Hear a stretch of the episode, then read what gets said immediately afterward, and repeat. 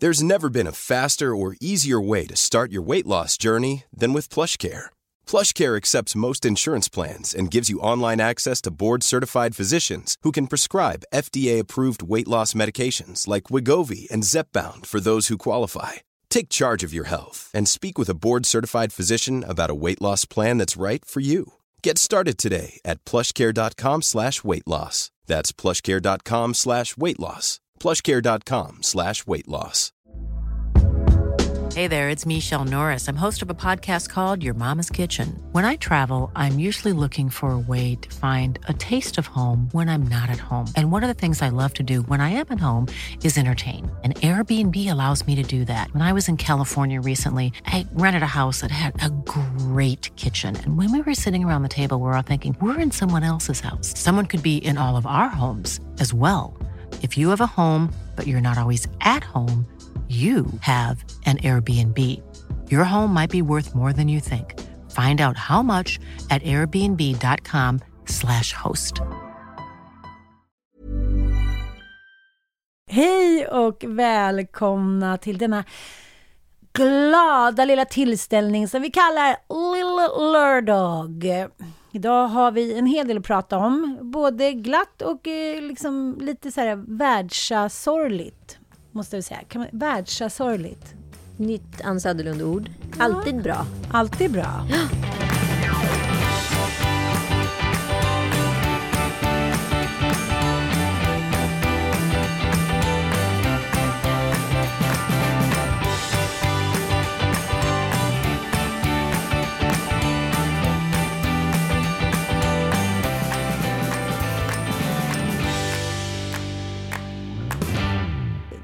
virvar av känslor hos eh, fröken Fräken som sitter här mitt emot mig. Det är inte alltid lätt. Jag tänkte på det. Din mamma gick ju bort här när vi var i Aten och hon har ju varit dålig. Eh, jag vill inte använda ordet grönsak, men det beskriver ju ändå ganska bra. Hon har ju varit en grönsak ganska länge.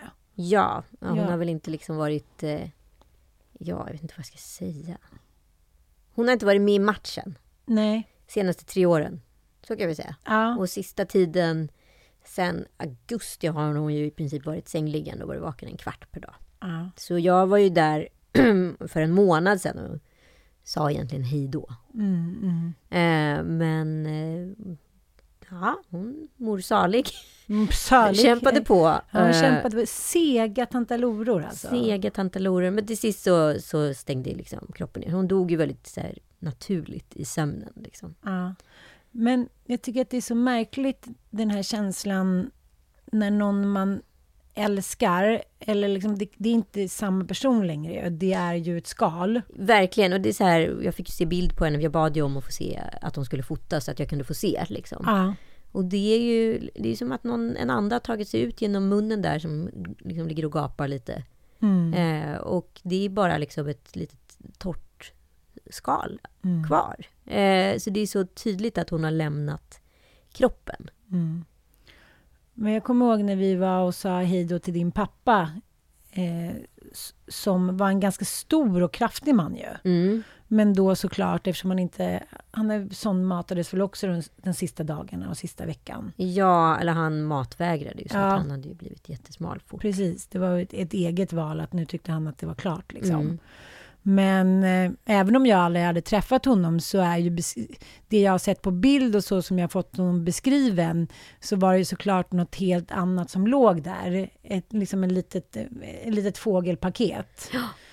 Men det är någonting som händer tycker jag när alla känslor sätts på sin spets. När man blir sådär eh, osäker. Man vet inte, kroppen och själen hamnar i något virvar. Att man degraderas till någon ungdomskänsla. Ja, men det är lite som... Jag kände det för att när vi var i Aten, då kände jag mig lättad. Och sen Mm. så, ju liksom längre veckan gick, desto mer liksom förkrossad på något sätt blev jag. Ja. Och sen att jag kände mig lämnad, det blev väldigt existentiellt. Att gud, det är andra gången i mitt liv jag är föräldralös. Mm. Fan vad orättvist. Ja. Liksom att jag skulle få bära det här. Och plus att mina barn har ju aldrig riktigt haft någon relation med mormor, så de är också väldigt liksom osentimentala runt henne. Såklart. Och förstår liksom inte heller att det är så här min mamma som har gått bort. Nej. Liksom. Um, det är en tant som de har sett några gånger. Ja, en lite gånger. läskig tant. Ja, som är såklart. vimsig och ser lite Mm. läskig ut och allt det där. Mm. De kan inte ens förstå att kvinnan på de här fotografierna som jag har från när jag växte Mm. upp. Att det, är samma, Rock-Olga. ja, men att det är samma person. Nej, såklart. Eh, det är inte alls den mormor som de har i sina sinnesbilder. Under tiden i mina minnesbilder så är ju hon den liksom, levande personen, inte den där liksom, läskiga gamla gumman. Mm, mm. Eh, och det är klart att så här, det blev ju liksom väldigt så här, märkligt. Så jag blev liksom väldigt liksom, ensam i mina känslor runt henne. Mm. Och Joel har ju egentligen inte heller haft så mycket relation med henne. Alltså, hon, kom ju, hon visste ju att han fanns men ändå inte. Alltså du Nej. förstår vad jag menar. Eh, så jag bara kände att jag blev så jävla ensam liksom. Ju Mm. längre veckan går. Och det var precis som så här uppbrott. Du vet i början kan man känna sig, ah, men det här är bra för mig. Det här är bra. Ja, men det är också chocken älskling. Ja. Det, är så här, det är nästan som att eh, endorfinerna, man hamnar i något chocktillstånd. Så att det är så här, endorfinerna kickar igång, så man kan ju nästan känna sig lite upprymd. Förstår du? Det var ju så här, vi var ju alla med det också lite i, i den här chocken. Det var groggarnas glada afton, det var hitan och ditan. Alltså, man hamnar ju i några energier där man tänker, det är ju ändå döden som kommer klampande. Det är så här, det finns inte längre något val. Det finns ingen utväg att förändra någonting och det skapar ju en turbulens. Liksom. Så jag tycker man ser väldigt tydligt i det och också känt så själv att i början säger man så här, okej nu ska vi ta tag i allting, nu är det klart, nu är man lättad och sen så kommer det där bakslaget att säga, jaha, nej. Och just på det här sättet som du beskriver, som pappa eh, var ju, blev, han fick ju aldrig någon demens, men eftersom det var corona och han skulle eh, göra sin operation då och var jätte, jättekänslig och kunde liksom dö vilken sekund som helst, så fick ju inte han träffa oss. Nej, just det. Så det var ju också när han dog så hade jag ju sett honom ändå i livets glada dagar de sista åren och sen så hade jag inte sett honom på ett och ett halvt år och sen var han borta. Mm. Så det blir också som att han är liksom på något sätt i formalin, nerstoppad någonstans. Och jag, jag tänker hela tiden att så, men snart kommer ju Köris ringa och säga, ha, har du något skvaller om Schulmans då? Ja. har du något roligt skvaller då? Jag säger, Nej, jag försöker bara överleva de här fem ungarna och exmannen. Eh, att han var liksom jag kan ändå uppskatta det, att han var så jävla rolig att prata med in i det sista. För Mm. mamma var ju extremt påverkad av morfin, Mm. eh, eftersom hon hade så himla ont. Så det blev ju bara osammanhängande grejer och det hon men, och skrev. det man säger under morfin är ju inte liksom riktigt ens person. Nej, jag vet. Och det är ju också svårt att veta när man är 20-ish. Liksom. Man tar ju åt sig och känner sig så här, ja men hon kanske inte älskar mig längre. Och du vet, det blir liksom märkligt. Så det är jag ändå väldigt glad över att så här, in i det sista så var han liksom, ja, köris. Ja. Ja. Min mamma har inte varit min mamma på väldigt många år. Och det blir ju också märkligt för att hon har ju aldrig varit liksom en del utav, vad ska jag säga, den som blev jag.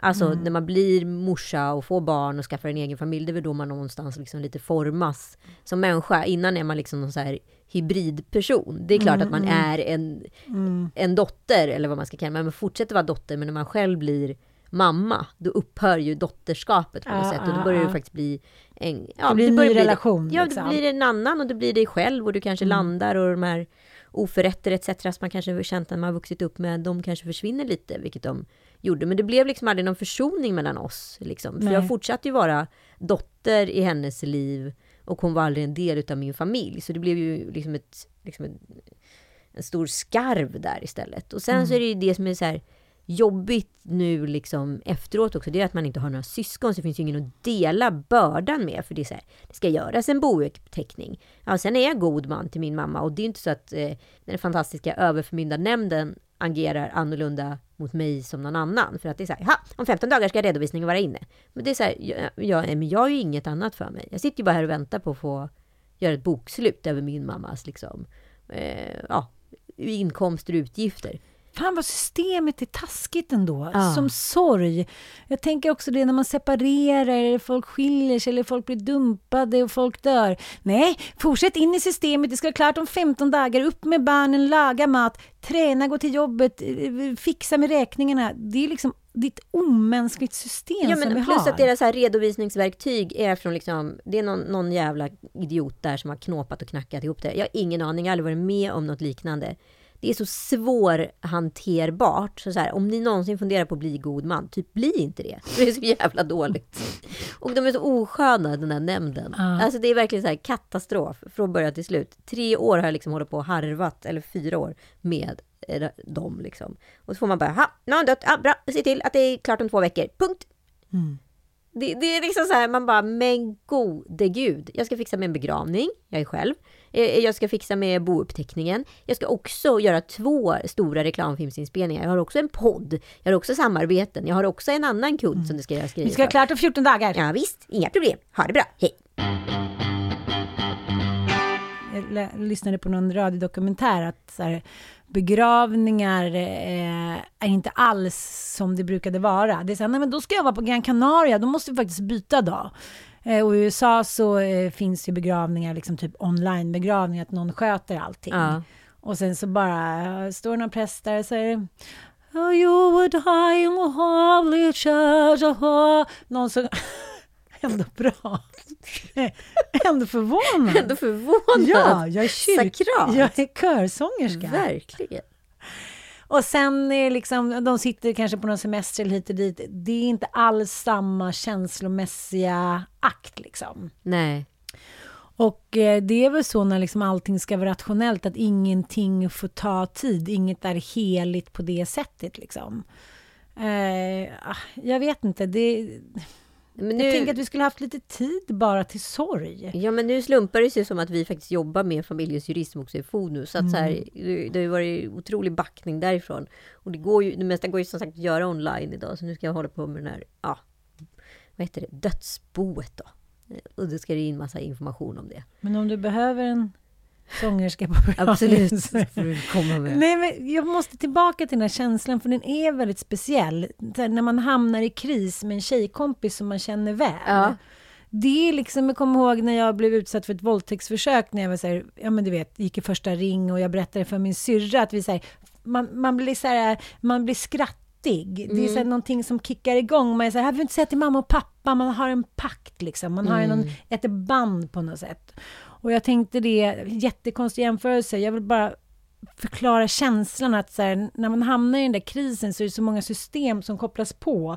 För man, det är så sällan i dagens samhälle som jag tror att man tillåts att inte ha kontroll över situationen. Och jag tänkte när vi var hos din pappa, han låg där, jag var så här, jag kanske hade tänkt att han skulle verkligen vara illa däran, men det går ju liksom aldrig riktigt att föreställa sig att någon bara ligger där som en ja, liten död fågel liksom. Och efter det gick jag ut och vi gick på någon loppisrunda. Jag köpte någon ljusstake och liksom jag fattar det där att man får då rådet att man inte ska liksom göra några stora, ta några stora beslut ett år efter man har hamnat i kris. Blivit dumpad, någon har dött, blivit av med jobbet. För det, du brukar säga det till mig, så här, man vill bara krislösa. Okej, då flyttar jag, då köper jag någonting, jag köper ett hus, eh, jag skaffar ett barn. Oj, var det en katt, en hund, för fan. liksom. Jag är ihop med kungen nu. Att det är som att amygdala, den här gamla jävla lillehjärnan, vill bara lösa problemet. Ja, så snabbt som möjligt, för det gör ont. Det finns ju två det, så här, kristyper. Den ena som så här, går ner i depressionen och mörkret. Och sen den andra som börjar så här, som en hund i panik börjar så här, lappa och laga och skydda. För att då springer man mot liksom alla så skyddsmekanismer. Bara, nu ska jag kröka, nu ska jag köpa, nu ska jag handla, nu ska jag göra, nu ska jag... fi-" Alltså du vet. Det, det, det är liksom så här, antingen så här, ångest fördämningstäpper du. Eller så går du ner i det. Och jag tror liksom att både du och jag är liksom den andra typen. Jo, men ska, det beror ju också på att vi inte har något annat val. Nej, det finns ingen... Jag tänker så här, gud det är en sån typ. Man bara säger, men ge mig typ en släkt, en familj, en liksom jag kan sitta i båten, jag behöver inte gå utanför dörren, jag kan vara bakerska. Det är bara det att man är så van vid det där, att det där kopplas på. Liksom. Pappa var också så här, ring mig, ring mig dotter, ring mig, hyran ska betalas, panik, panik. Alltså att man hela tiden var uppe i det där att någonting ska räddas liksom. Ja. Nej men nu har ju jag valt någonting modernt. Jag har ju valt en urnbegravning. Så det kommer inte vara någon kista. Så det betyder att hon då eh, ska brännas innan själva begravningen. Så det är en liten urna där. Men det som är fint, för vi har ju egentligen inga jordfästningar i Sverige. Det är ju en så amerikansk påfund. Man ser ki- kistan sänkas ner i backen. Men här, det som kopplas till urnbegravning, det är att man får göra en urnnedsättning. Så då blir det en jordfästning. Liksom en Aha. urna, så hon kommer placeras då bredvid pappa. Mm. Och så får de liksom, så det blir väl något fint slut på det. Jag tänkte att det är ett bättre sätt att knyta ihop säcken på än det andra. Men hur som helst, hela den här helgen har bara varit så här, den har gått liksom från mörker till ljus. Så liksom på fredagen så får barnen få ledigt från skolan och vi åker till Örebro så ska vi liksom dödsbotömma hennes lägenhet. Vissa grejer ska med upp till Gävle där vi kan magasinera saker och andra saker ska till tippen och några ska till Myrorna. Liksom. Vad valde du att behålla då? Ja, men ett skåp och alla foton egentligen. Mm. Eh, Och sen så var det lite så här jul, liksom porslin och dukar och sånt som vi Ja. har gjort både mamma och jag gemensamt. Liksom mycket som hon har broderat och sådär. Alltså vi har ju redan, i och med att hon har redan flyttat två gånger så har ju jag dödsbostädat ja. längs med vägen liksom. Okej, så ni, ni åkte i alla fall på fredagen och ungarna var med och...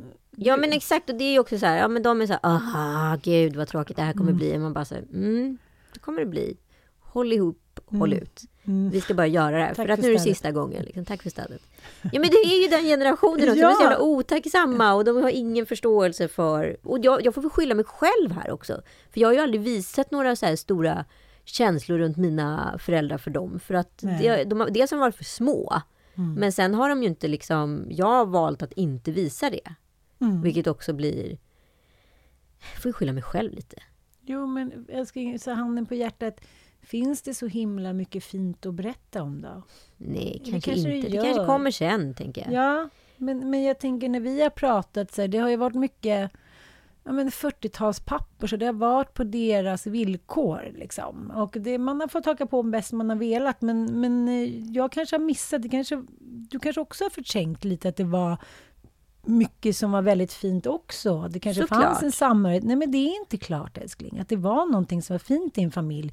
Det kan man ju inte låtsas som att det alltid... Jag menar, de sista åren när min pappa mådde dåligt, det var väl inte så mycket som var fint. Det var ju bara liksom en, en, en krigsdrabbad, du vet, åker som man försöker så här, plöja sig igenom och rädda typ sin mamma. Alltså det, det är ju väldigt, eh, ja, men som allt som du säger, sjukdom, alkohol. Det kommer ju saker med åldern, att man hamnar i kriser. Liksom. Män verkar ju göra det någonstans mellan 40 och 50 och det kan bli jävligt svart fort. Liksom. Mm.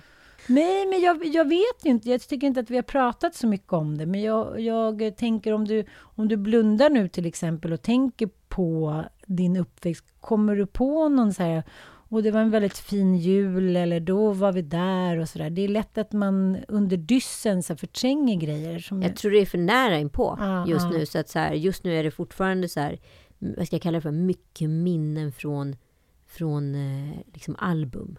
Mm. Eh, och inte så mycket andra. Men sen så var, vi, var jag på SVT Rekvisita häromdagen. Kom på ett jätterolig grej. För då gick jag förbi en sån här gammal 80-tals eh, cykelhjälm. Du vet de första cykelhjälmarna som kom i frigolit. Det var liksom inte... supersäkra. Jag vet inte om ni kommer ihåg den här gamla... om ni kommer ihåg den här gamla Dire Straits-videon, Money for Nothing. Det är ju första så här, data-animerade liksom, musikvideon. som är väldigt pixlig, kan Ja, vi säga så? ja, det Och så såg första cykelhjälmen ut. väldigt pixlig. ja. Och jag hade ju då... Eh, mina föräldrar var ju väldigt då rädda om mig såklart. För att jag var ensam barn och sådär. Så man får ju all kärlek får man också allt det andra. Men just i det här fallet så var ju de väldigt tidiga på bollen då med cykelhjälm. Ja. Tyckte att jag skulle ha en cykelhjälm. För Mm. vi skulle nämligen ha en cykelutflykt i skolan.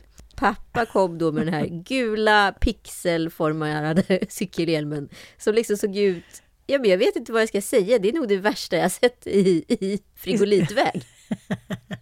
Ja men tänk er formationen utav det här som, höljet som ligger runt en mikrovågsugn. ja, inte som en lång banan. Som en lång banan som är lite kantig. På, det skulle jag liksom ha på sidorna. Så Min cykel, hatt, den här trekanten. så cykelhjälmen var ju liksom två size större än Ja. mitt huvud. Ja. Och liksom, jag, tror, jag tänker att jag hade, var ju mer utav en fara för andra bilister. För de måste ju undra, vad fan är det som åker omkring där?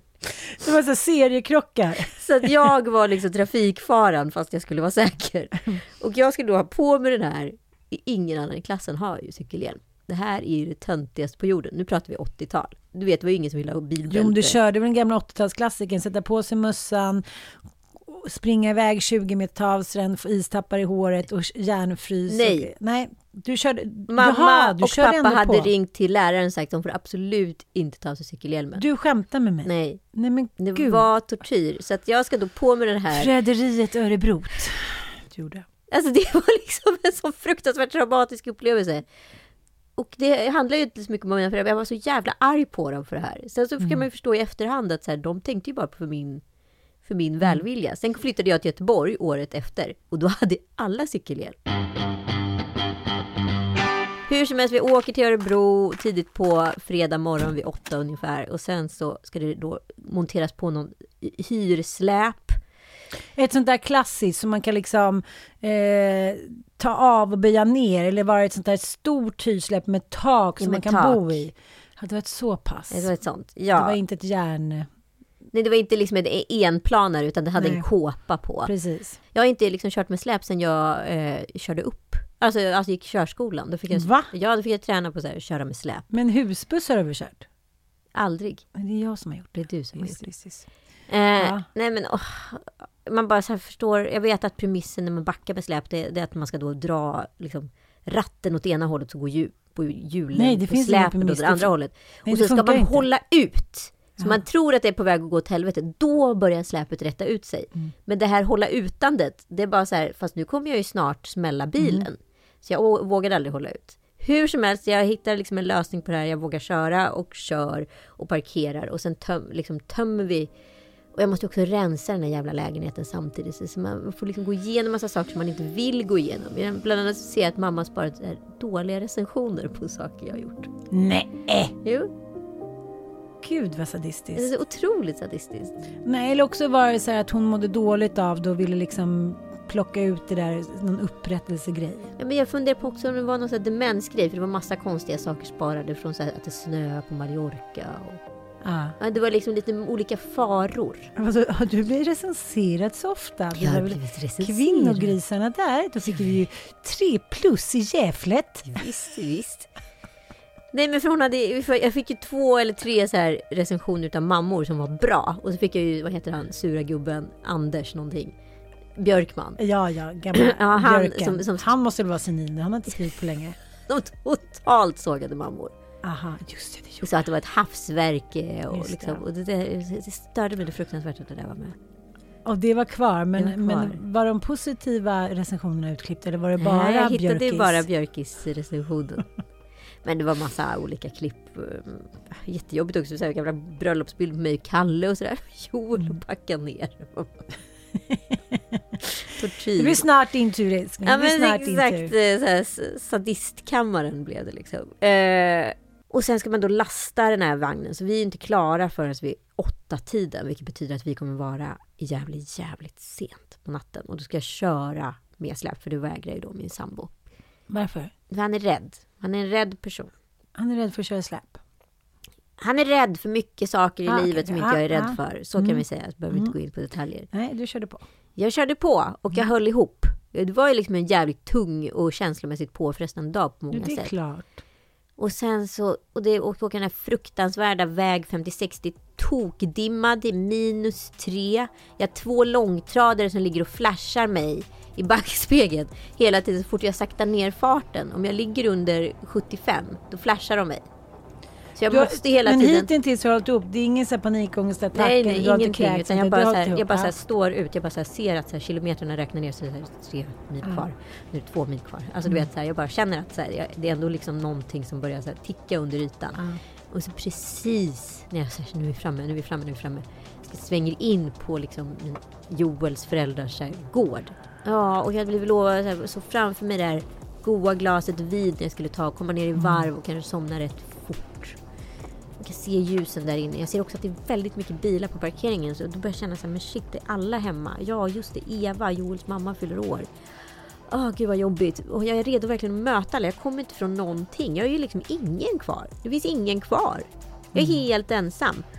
Och mina barn liksom förstår inte mig. De är inte i den åldern eller inte liksom förstått sammanhanget riktigt. Och precis när jag ska svänga in där och så ser jag att det är massa bilar. Men jag måste ju ställa mig någonstans. Jag orkar inte hålla på med det här fucking jävla släpet. Jag bara kör rakt in och så försöker jag snitsa till det lite så jag ställer mig som en båge. För det där kan pappa Christer, en man som är van att köra med släp. Det kan han fixa imorgon. Och Joel blir jätteirriterad på att jag parkerat släpet fel. Fast jag ser att de andra bilarna kommer ut. Mm. Det är ingen fara.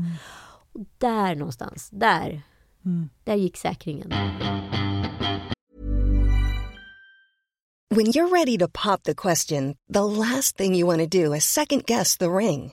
At Bluenile.com, you can design a one of a kind ring with the ease and convenience of shopping online. Choose your diamond and setting. When you find the one, you'll get it delivered right to your door. Go to Bluenile.com and use promo code LISTEN to get $50 off your purchase of $500 or more. That's code LISTEN at Bluenile.com for $50 off your purchase. Bluenile.com code LISTEN. This message comes from BOF sponsor eBay. You'll know real when you get it. It'll say eBay Authenticity Guarantee. And you'll feel it. Maybe it's a head turning handbag, a watch that says it all, jewelry that makes you look like the gem, or sneakers and streetwear so fresh every step feels fly. eBay gets it. So look for the blue check mark next to that thing you love and be confident that every inch, stitch, sole, and logo is checked by experts. With eBay Authenticity Guarantee, you can trust that feeling of real is always in reach. Ensure your next purchase is the real deal. Visit eBay.com for terms. Jag bara fick en panikångest. Jag bara, jag klarar inte att gå in till den där familjen som är så perfekt och alla är hemma och ska ha något form av mottagande och jag så här, jag kan liksom inte, jag klarar inte av det. Jag fick så här panikångestattack och det grövsta. Jag var tvungen att gå tillbaka till bilen och sätta mig. Joel fick gå in med barnen. Jag bara, jag, jag måste dra, dra härifrån. Jag smiter, jag drar. Jag kopplar loss släpjävlet och så bara åker jag och kommer inte tillbaka. Jag kan, jag kan inte möta de här människorna när jag inte har någonting och de har allt. Och liksom, jag, vem är jag? Vem är jag ens? Alltså alla de känslorna bara välde över mig och bara så här. Och jag kände mig så liten och så ensam och sen så bara till sist så var jag så här, men jag, kan inte, jag, kan, jag är ju ändå en vuxen person. Jag kan ju inte bara dra. Vad håller jag på med? Ja, Du tänkte köra Thelma Louise, Ja. du vet, dra till Örebro. Ja men du vet när, när paniken kommer Nej, sådär, man bara liksom så här, hjärtat bara slår och man bara Alltså sitter och bara hulkar och liksom eh, Det är bara, inte rationellt. man är inte rationell. Men det är Amygdala. lustigt det där att man bara vill fly, fast man vill att någon ska hålla i en och säga du ska inte fly, jag finns här. Ja fast just där när han försöker då, då är han fel person som försöker. Mm. Det går inte. Och då vill ju jag bara försvinna. Mm. Så jag går in och så går jag upp och så går jag och lägger mig. Och i sängen så är ba- båda barnen. Och där bryter jag ihop. Och det grövsta. Alltså jag gråter och gråter och gråter. Och då är de så fina. De Mm. båda lägger sig på varsin sida och håller om mig och i mig jättemycket. Mm. Det är som att de förstår, Mm. fast de inte förstår, fast det spelar ingen roll. Och jag känner mig så jävla omhuldad utav dem och deras värme och närhet. Jag bara känner att så här, vi, vår lilla konstiga klan, det är liksom vi tre. Mm. Det är, det är något... Ursprungsfamiljen. Ja, ursprungsfamiljen, urfamiljen för den här Mm. ätten som håller på att skapas. Mm. Liksom. Och det var, blev bara så jävla... Och det blev bara så jävla fint egentligen. Liksom. Även fast det var liksom en väldigt märklig helg. Mm. Och sen så fyllde Joel år dagen efter. Så jag var tvungen att gå och fira honom. Förlåt. Och då var allt förlåtet. Då var vi kära igen. Nej, men jag, jag tänker mycket på det. Du och jag pratade om det, att, att, att inte gå in i känslor hela tiden. Men dels är vi ju känslomänniskor och dels är vi någonstans inte i en trygg liksom, miljö. Vi har våra vänner, och vi har liksom våra barn och vår man hit och dit. Men, men det kan jag ju känna när jag hamnar i kris, att det är så här, mina tre pojkar, de är stora nu. De är liksom 16, 18 och 20. Och där är någonting som känns i mina gener, att det är mina ursprungskillar. ja, Det är de tre första liksom. ja, Och eh, det är inte att jag, äl jag älskar liksom mina småfjärtar exakt lika mycket och jag liksom känner samma liksom närhet och styrka och allting med dem. Men jag bara känner så här, de kommer alltid ha något annat. ja. De kommer alltid ha sitt på det torra Mm. på ett helt annat sätt. Och jag tänkte på det när jag, jag lyssnade på en eh, känd psykolog här som pratade lite om att man aldrig eh, har samma föräldrar. För att man kommer vid olika tillfällen i livet. Om man är syskon. Att så här, man är vid olika, man är vid olika liksom, ställen i livet. Man kanske är emotionellt mer mottaglig, man är yngre, man kanske har en annan relation med pappa pappan, bla bla bla. Så om man har till exempel, om man är fem syskon så kommer man aldrig ha samma föräldrar. Nej. Jag tyckte det var så jävla spännande liksom. Men jag tänker också så, som mina småkillar kommer ju aldrig ha samma föräldrar som mina stora killar. Nej, men precis. Eh, utan jag, nu har jag haft tre barn. Jag liksom, de fick ju vara lite testkaninerna. Nu vet jag så här, vad, vad hjälpte, vad var inte bra, vad skulle jag ha gjort bättre? Så att de har liksom en annan förutsättning. De har en farmor och farfar, de har liksom släkt. Och det som du pratar om, den här känslan av ensamhet. Mm. Och jag försöker förklara det för Mattias att så här, du kommer aldrig förstå. Du kan inte Nej. förstå. För även om dina föräldrar dör inom liksom fem år eller tre år eller en dag så har du haft dem så himla himla länge. Du har haft farmor och farfar, mormor och morfar tills de var 90. De har flyttat efter dig till Skåne för att ta hand om dig efter skolan. Du är, liksom, du är så omhuldad fast du förstår inte det. Och det sitter liksom i det sitter i din kroppsfunktion. Att så här, jag kan alltid åka hem till mamma och pappa. Så att de är din ursprungsfamilj. Så när det verkligen liksom blir kris mellan oss, då är det såklart att han har dem. Exakt. Men, det jag har det som- inte det och då är jag mycket, mycket mer sårbar. Det blev ju så, det blev så tydligt att vi var liksom en egen liten klan. För att vi har gått igenom så mycket ihop. Mm. Och jag har tagit hand om dem och det var första gången de tog hand om mig. Och Mm. det blev så starkt tycker jag. Det ögonblicket. För att det var liksom ett sånt, ett sånt så här, shit jag har, det är inte så längre. Även om jag inte har en förälder som håller en i ryggen så helt plötsligt höll mina barn mig Mm. i ryggen. Och det var så otroligt liksom vackert och liksom sårbart liksom, tillfälle på något sätt. Mm, jag fattar det, jag vet precis vad du menar. Men det är också att man, man är, är ju bortskämd när man har en familj som håller ihop på det här sättet. Och jag menar inte att, för jag känner så här, ju äldre jag blir och ju mer familj jag träffar, varenda familj har sina problem och sin dysfunktionalitet. Det finns ingen familj som är så här, men det här är en liksom strucken familj, det här, liksom, det här blir ju riktigt bra alltså. Utan alla har verkligen sina problem. Men så, då, så finns det de där familjerna som är så här, ja, ja, vi vet, det, det är lite så, pappa är lite så hit och dit. Men man vet så här, de går i döden för varandra. Även fast de kanske så här, snackar lite skit och man skäms lite och det funkar inte riktigt, så är det så här, det är den där lojaliteten. Och den, den kan man ju bara ha när mamma och pappa och syskon, och så här, när man är som en släkt, förstår du? Ja. Det är väldigt svårt att ha det när man är själv. Ja, och det är liksom så här. Ja, jag har fått massa DM om folk som tycker man ska släktforska och allt möjligt. Ja, jag gör ju det, men det spelar väl ingen roll. Det ersätter ju inte liksom någon som har vuxit upp med en. Nej. Någon som kan en utan och innan. Alla de här såriga, kantiga, skavande liksom minnena och också det härliga, roliga, bullrande däremellan. Liksom. det är ingenting, även om jag träffar någon så kusin liksom långt bort i stan.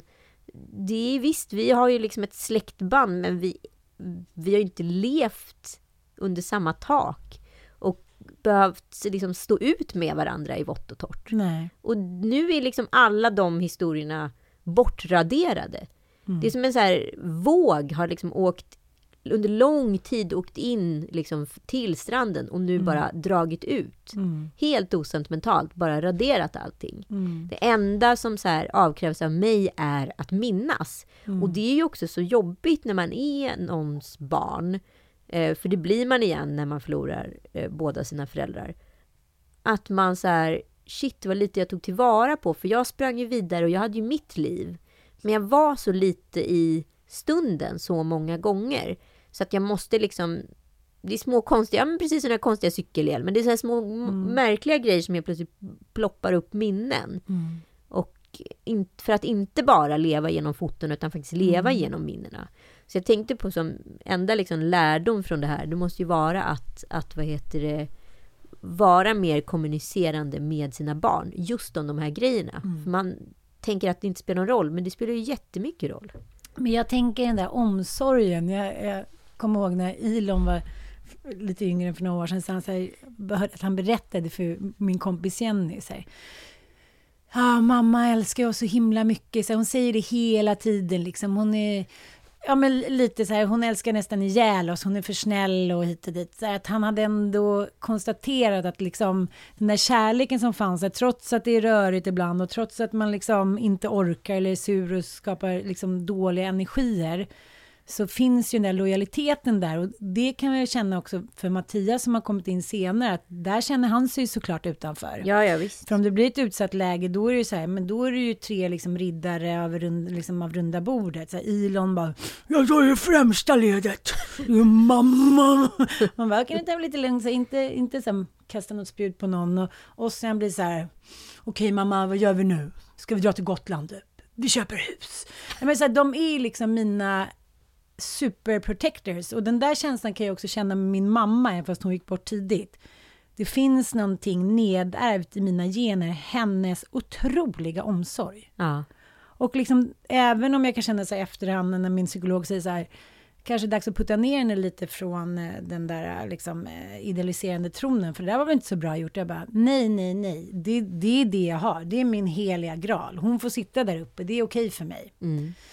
Så att det, det är svårt, men det är som du säger, det är ett sånt mörker som kan dyka upp. Man är så här, why me? Why now?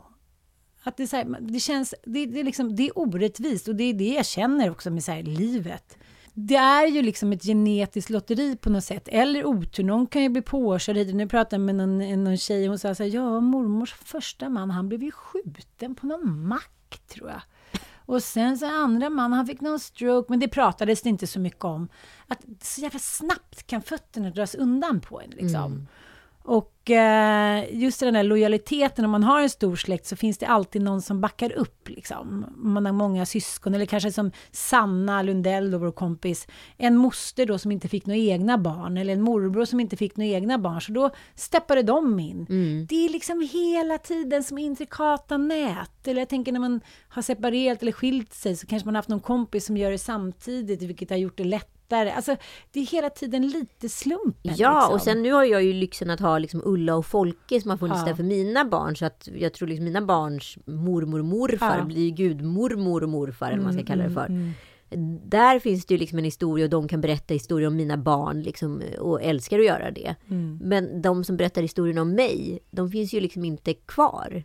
Sen var det Nej. en jättegullig kompis, Maja, en gammal så här, tonårs, eh, eller vad ska jag säga, tidiga 20-års kompis som skrev en hel lista på roliga grejer som vi gjorde och, och ett, liksom forma, formulerade lite mig.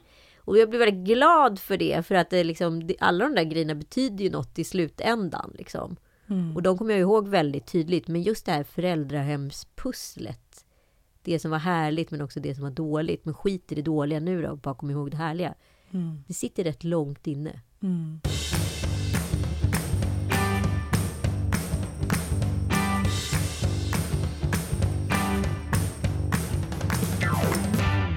Ja, det har ju varit eh, sexårskalas i helgen. Unge herr eh, Francesco har fyllt sex år. Det tycker jag ändå är en milstolpe. Barn många Frankie, Ah, herregud. Frankie Dolen, eller Eh, Fronkadellen, Frunkadellen, eh, Frans Schartau, Chattau. eh, Fransåsen, Ja, eh, ja, Frans, Frasse. ja. Och nu är det Eh. Fronka, vad heter han nu då? Ja, men, eh, vad, vad sa jag nu? Det vet jag inte. Men jag är mycket inne på Fronkadellen. Frunkadellen, ja. Oklart vad. Men frikadell heter det. Ja, men du det säger köttbulle. Ja, men Fronkadellen, det ligger bra i munnen. Okej, ja, du säger det så. Var är mina frunkadeller? Vad är min fronkadell? Det är som ett klädesplagg. Ja, vad är mina fronkadeller? Det är så här små, små grejer, små tofsar man sätter på byxorna när man ska fira midsommar. Vad är mina fronkadeller? Små tofsarna. Älskling, tar du ner mina frunkadeller från vinden? Nu är det fronkadelldags. Mm. Ja. Det går att använda mycket, mycket olika. Men det var inte det krisen handlade om. Nej, men alltså där märker man ju att han kanske kan ha en liten släng av någonting. Eh, förväntningarna. Mm. Oj, Oj, men det är Tom oj, Allan oj. också. Oj, oj, oj. Ja. Nej, men förlåt, men det, nu måste jag ändå lägga in veto eftersom jag har fem barn. Och man ser ju vilka som är förväntningsmästarna. Och de vet ju någonstans, för de är inga dumhuvuden, att det kommer aldrig kunna bli som i drömmarnas värld. Nej, men Tom Allan har då beställt en eh, dräkt med Frankenstein till eh, ja, Halloween. Ja. Och nu har då inte den här dräkten kommit. Och nu är det då Halloweenfest på torsdag. Oj, oj, oj. Oj, oj, oj, i skolan. Mamma, om den där dräkten kommer, boka av den. Jaha. Jag kommer inte gå på kalaset. Nej. Nej, okej. Eh, vad menar du nu? Jag vill inte gå. Okej. Eh, du ska alltså inte gå, du kan inte tänka ett alternativ till dräkt? Nej. Nej, nej, det är sårat, det är sårad stämning. Det är tår, rinner sakta strilande ner för kinden. Samtidigt han tittar då oavbrutet på sin telefon. Och jag försöker, Med dräkten. nej, jag försöker då kommunicera att du kanske kan kolla på ett alternativ. Nej, det Ah. går inte. Nej. Nej, och först, nu har jag börjat lära honom, så nu förstår jag. Så går jag in på toa och så hittar jag, vad heter det, en, eh, en annan dräkt, en liten T-rex. Ja. annars kan du bara komma hem till mig. Mm. Så kommer jag ut med T-rex-förslaget. Tyst ett tag. Mm. Det går bra. Det går bra. Men då vill jag verkligen att om den andra dräkten kommer, att du bokar av den direkt. Han är sårad av en dräkt. Mm. Dräkten har svikit honom. Precis. Där har du också den försmådde. Ah. Det är svårt, det är svårt att rubba hans cirklar. Mm. Tillbaka till frankad, frånkadellen. Tillbaka till Frans från Gardellen. Det är samma sak här. Det har pratats om eh, på ett så här 70-80-tal sätt när man blev firad eh, förhoppningsvis en gång per år så har det varit mycket med det här kalaset och utskick och vad det ska vara för teman hit och dit. Men sen när det väl kommer då eh, på kvällen då är det stor, liksom, stort sammanbrott uppe i sovrummet och vi ska ställa in. Eh, vi måste skjuta fram det. Han är inte preppad, han är inte förberedd. Oj, Mm. vad, är det, vad är det han ska förbereda sig på? Ja, det är mentalt, men det har han inte riktigt liksom dechiffrerat. Så det är Alltså då, är det jobbigt då att fylla sex? Är det det som är ja, jobbigt? vilka kommer, vad blir det för liksom presenter Ah. och... eh, Det är det som är jobbigt med presenter, för man vet ju inte riktigt. precis. Och liksom, vi, ja, till slut så går han med på... Och det är bara för att jag liksom i min desperation då säger så här, vet du, jag vet en present du ska få. Nu är jag inne på EFA Champion Leagues fotbollar. Han vet inte vad det är, men det låter bra liksom. Jag bara, vi har ungefär mellan 10 och 33 bollar ute i trädgården. Nej, ingen är bra. Ingen är bra. Och på skolan är de inte heller bra. Så han ska Champion Leagues-bollar. Ja, vad det nu är. Och så ringer Carro och säger, vad, vad vill han ha? Jag bara, jag poddar, men en fotboll. Är den här bra? Så här. Hon bara, förlåt att jag hetsar, men ja, jättebra. Och så skickar hon en bild. Och den visar jag då sent på fredag kväll. Så här, Titta, det här ska du få Otto. Och det här har, det här har jag aldrig sagt. Bara i podden. det har vi aldrig sagt till Carro Otto. Ja, då, ja, då får Otto komma. Så då, då är det en utav 20 som är inbjuden. Men så vad ska vi göra med de andra? Så, nej, de får inte komma, utan då Otto är välkommen. För då, där är ju Bobo smart. Han, wow, vilken boll Frasse! Han fattar systemen i familjen. Helt otrolig boll Frasse. Så här, det är en sån Champions League som du önskat dig. Ja, ja det, är en sån, det är en sån jag önskat mig. Och sen vaknar han dagen efter och det är tårar och han ska, inte, han ska ha mjukiskläder, han ska inte klä ut sig. För det skulle ju vara Harry Potter versus... Nej, han ska inte ha det, han ska ha mjukiskläder bara. Och han gråter och det ska ställas in och eh, nej, nu får inte ens Otto komma. Vi ska skjuta upp det här ett par veckor. det är helt sensationellt. Det är. Men då kommer den stora räddaren i nöden, Lotta Kågström. Lotta Kågström. Mm, med Lille Kågström. Mm. Då öppnar vi upp den stora påsen där hon har varit handlat på ja, i Hur och Ginge och olika butiker. Det är spindlar, det är så här eh, danger zone, det är spindelnät, det är häxklänningar, det är Frida Kahlo, det är smink, det är orange hår och inom loppet av liksom några minuter då är ju alla Då hon liksom maskerat hela hemmet till någon Ja. form av filmset. Precis, jag kände att nästa lördag var... Ja. Okej, det blir jättebra. Eh, Och det är blod och det är liksom, nu är det skräckfilmsmusik. Du vet, jag är ju nu så populär i Bromma. Jag är ju liksom en festfixare enligt Ja. Brommaborna. Ja, så nu... Och då ska han inte, nu gick han med på orange hår, då skulle han vara Volger i, vad heter han? Det finns någon i eh, Harry Potter som har orange hår. Holger, Volger. Ja, ja, whatever. Och det blir då grand success. Grand success. Såklart. Mm, om du tänker på det där uttrycket, it takes a village to raise a child. Men it takes också a village to have a fucking party. Ja, men det takes a village att stå ut med en sån här liten människa som... Alltså att vi håller också på och orkestrerar så fort han håller på och ballar ur. Ja. Då går jag och Penny och Joel in i någon sån här symbios med lögner som ska få den här lilla, lilla prinsen är ju i sådana situationer. Skådespelet Ja, lockas eh, fram. Då ska, då ska vi liksom spela den här lilla akten utav så här, nu ska du på, bli på bra humör. humör. Mm. En liten 40-talist. En liten 40-talistgubbe. Alltså de är ju alltså genetiska 40-talistgubbar. Ja, de där små autisterna ja. Ja. ja.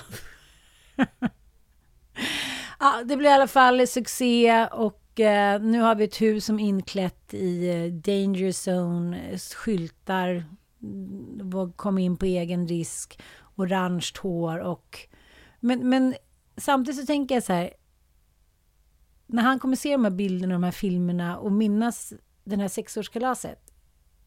Hur roligt? Hur roligt kommer Hur han glad Ja. kommer han vara över det där? Han Han kommer inte komma ihåg en tår. Nej, han tyckte att det här var ett kanonkalas. Sen sov Lille över och sen igår var det då Lasse-Majas detektiver. Så det var en riktig kalashelg. Gud vad härligt att höra. Så härligt. Ja, nej men vi hade ju eh, ett litet specialavsnitt kan man väl säga om Rebecka eh, Fallenkvist. Mm. Eh, Sverigedemokraternas eh, tv-affischnamn kan man väl säga. Ja, Mm. Riks. Riks. Eh, hon... Så behöver vi dra det igen, det kanske vi behöver göra. Dels så var hon ju dyngpackad på eh, valvakan. Och, Jag tror inte hon var så dyngpackad, men hon spelade lite full när det passade i alla fall. jaha, du tänker så? Ja, för det var ju väldigt medvetet när hon sa så här, helgseger och sen seger, helg. Och då blev hon lite släpig och sådär. Nej, nej, hon Du menar att om man, om man är liksom för på pickadollen, då kan man inte så snabbt reglera det? Nej. Nej, det är sant. Det är sant. Men nu i alla fall, så för några dagar sedan så fick vi ju höra eh, att Rebeckas öde inte blev inte så hårt fall ändå, utan hon är ju inne i, i SD-ljuset igen, men nu som någon ekonomi... eh. Tantalora. Rebecka säger själv så här. När Riks initierades var det mitt uppdrag att vara ansiktet utåt, väcka debatt, skapa engagemang och påverka samhällsdebatten. I över två år har jag därför befunnit mig i epicentrumet av den politiska debatten. Dagligen har jag kommunicerat flertalet gånger med samtliga kanaler om att det vore omöjligt att sammanställa utspel, videoklipp, tweets, inlägg etc. som jag publicerat. Ofta för att faktiskt skapa debatt generera engagemang har jag legat nära, och så inom citationstecken, gränsen. Den svårdefinierade gränsen mellan vad man skulle säga för att väcka debatt och påverka den utan att uppfattas som hård eller gå för långt. Det tycker jag är en liten märklig tolkning utav henne måste jag säga. Hon har väl gått för långt nästan hela tiden. Jo, men jag tänker att det, det finns ju faktiskt, tycker jag, lite röd tråd. Även Ebba Busch, alltså det är teflonkvinnorna. Mm. De klarar sig ju bra måste jag säga, trots eh, klavertramp. Ja, gud ja. Men här har hon då så här. Tyvärr har jag ett par gånger lämnats utrymme för misstolkningar. Det är jag ångerfull för. Jaha. Eh, Alla som känner mig vet att jag är en spontan och skämtsam person med många bollar i luften eh, samtidigt och ibland kan det gå lite för fort. Jag har alltid försökt att vara ödmjuk inför uppdraget vilket resulterat i att jag har svårt att landa i att riktigt förstå vilken medial påverkan jag faktiskt haft. Stundvis får jag därför för mig att jag fortfarande kan vara en privat ung kvinna i mina sociala medier. Inte en av de mest mediala konservativa kvinnorna i Sverige som varenda journalist och meningsmotståndare letar fel hos. Det är märkligt att hon har, att det har undgått henne, tycker jag. Mm. Att hon inte förstått att så här, följare och kommentarer och engagemang, för det var väl ändå hennes uppdrag som hon lite tidigare i texten beskrev väldigt tydligt var. Och hon har inte förstått att så här, Rebecka Fallenkvist som då hybriden SD-Rebecka och privata Rebecka Fallenkvist, att det, liksom inte, att det skulle röras ihop. Nej, Det är precis. trist. Ja. Det är trist Men när nu- någon som är så pass smart ändå blir så väldigt osmart i sådana här situationer. Man inte förstår sin egen medverkan till saker och ting. Men nu förstår hon ju det, Nu förstår hon det. på ekonomiavdelningen. Ja. På temat trodde jag aldrig att min story på Instagram i vilken jag beskrev inledningen på Anne Franks dagbok skulle generera sådana svallvågor i Sverige och utomlands. Hade jag tänkt på det hade jag aldrig formulerat mig på det här sättet att missförstånd kunde uppstå som jag tidigare sagt. Min story syftade till att belysa det goda och mänskliga hos Anne, inte förminska den ondskan hon utsattes för. Hon vill inte backa från den här historien. Nej. Hon tycker ändå att så här... Men, men vet du, hela hennes förklaring, hennes då eh, taffliga förklaring, faller ju på att när hon gjorde sin story så hade hon ju bara läst några sidor. Och eh, eftersom hon verkar ganska historielös så vet hon ju inte särskilt mycket om Anne Franks liv och leverne, tror jag. Och då faller det på sin egen rimlighet då att hon ville visa då Anne Franks godhet eftersom hon var kåtheten själv. Är det samma sak som godhet? Jag tror kanske det i Rebeckas fall. Eller så är det för att hon vill eller har en flört eller flörtar med några lite mer eh, brunskjortiga än SD är. Så att man vill liksom vara cool för rätt killar. Sen Jag så när inte rätt killar svarar, då blir det väldigt ensamt. Mm. Den känslan har vi aldrig varit med om. Mitt motto har alltid varit att aldrig backa. Men ironiskt nog har varit oerhört ansträngande att vara offentligt. Att hela tiden vara föremål för granskning och angrepp. Och de här granskningarna och angreppen, de väljer man ju själv lite när de kommer. För det är därför man har sina sociala medier. Alltså när jag vill dreva så kommer jag kunna dreva och när jag inte vill dreva så behöver jag ju inte. Jag behöver inte prata alltid till alla om allt. Nej. Men jag tänker att det där är ju samma retorik som Nixon hade när han eh, fick eh, ja, säga upp sig från presidentämbetet efter Watergate-skandalen. Han använde samma retorik. Jag är en person som aldrig backar. Mm. Men jag trodde aldrig jag skulle backa, men jag gör det här nu för min familj. Ja. Mitt mål har alltid varit och kommer att vara att vilja väl för Sverige. Okej, och vad har det med Anne Frank att göra? Men vi vet inte riktigt. Nej, vi vet jag har inte. kämpat och jag kämpar och jag tror att få förstår hur mycket hjärta och själ jag faktiskt lagt på det här. På vad? Anne Franks dagbok? Vi vet inte. Nej. Jag såg fram emot att träda in i en annan roll hos Riks. Tillåtas nyansera mig själv mer och förkovra mig i mer intressanta ämnen och, vara, och inte vara lika konfliktfylld. Det hade jag möjliggjort en lugnare tid. Det här är också intressant för att har du tagit på dig, det här är ju så här gammal klassisk, om hon nu är ett PR-expert här.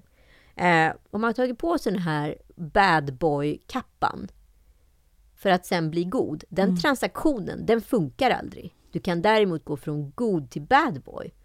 Och här har hon ju liksom gjort någonting som är absolut omöjliggörande. Man kan ju göra det om man är, är otroligt begåvad och har många, många, många, många år på sig. Och du ska också ha liksom, eh, eh, en stor klick utav ja-sägare. Du får inte bara ha massa nej-sägare. Och goda kontakter Exakt. med cred.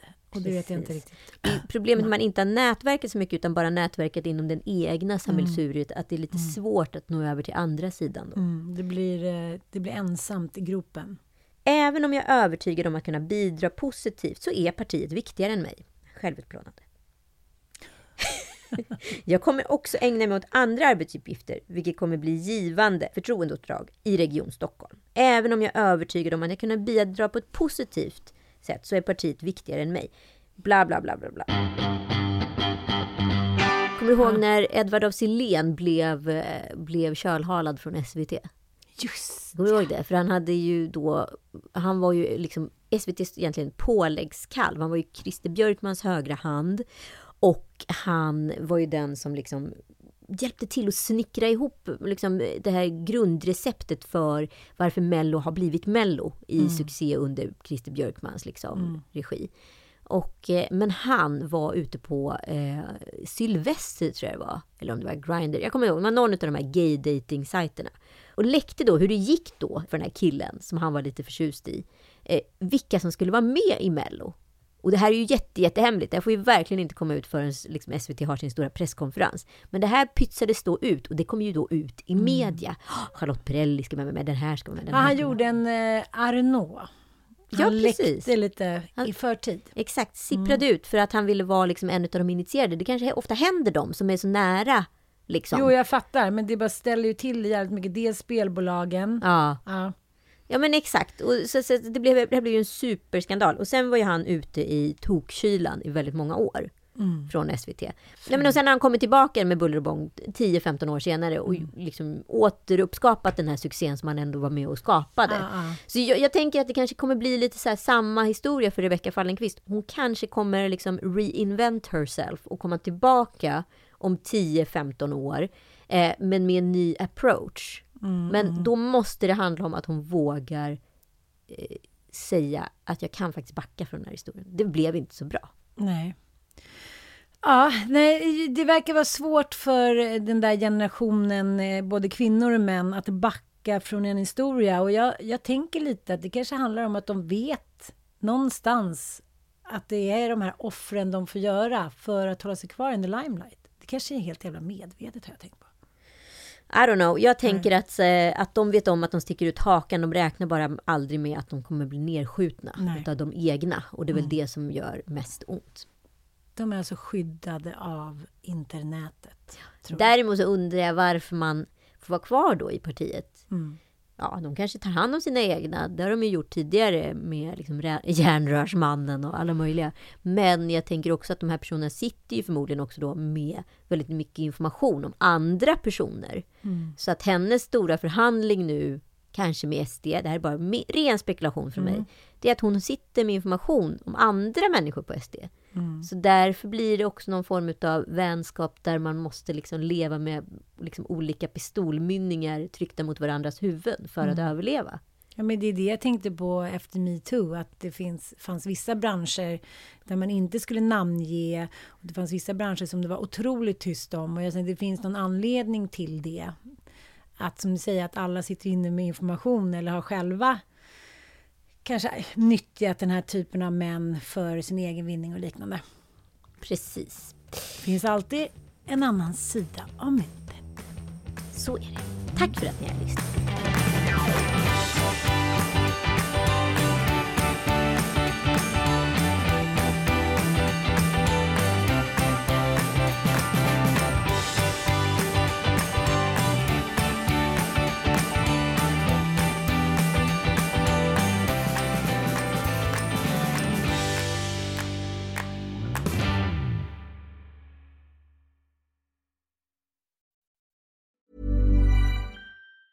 Normally, being a little extra can be a bit much, but when it comes to healthcare, it pays to be extra. And United Healthcare makes it easy with Health Protector Guard fixed indemnity insurance plans. Underwritten by Golden Rule Insurance Company, they supplement your primary plan, helping you manage out of pocket costs without the usual requirements and restrictions like deductibles and enrollment periods. So when it comes to covering your medical bills, you can feel good about being a little extra. Visit uh1.com to find the Health Protector Guard plan for you. Here's a cool fact a crocodile can't stick out its tongue. Another cool fact you can get short term health insurance for a month or just under a year in some states. United Healthcare short term insurance plans are designed for people who are between jobs, coming off their parents' plan, or turning a side hustle into a full time gig. Underwritten by Golden Rule Insurance Company, they offer flexible, budget friendly coverage with access to a nationwide network of doctors and hospitals. Get more cool facts about United Healthcare short term plans at uh1.com.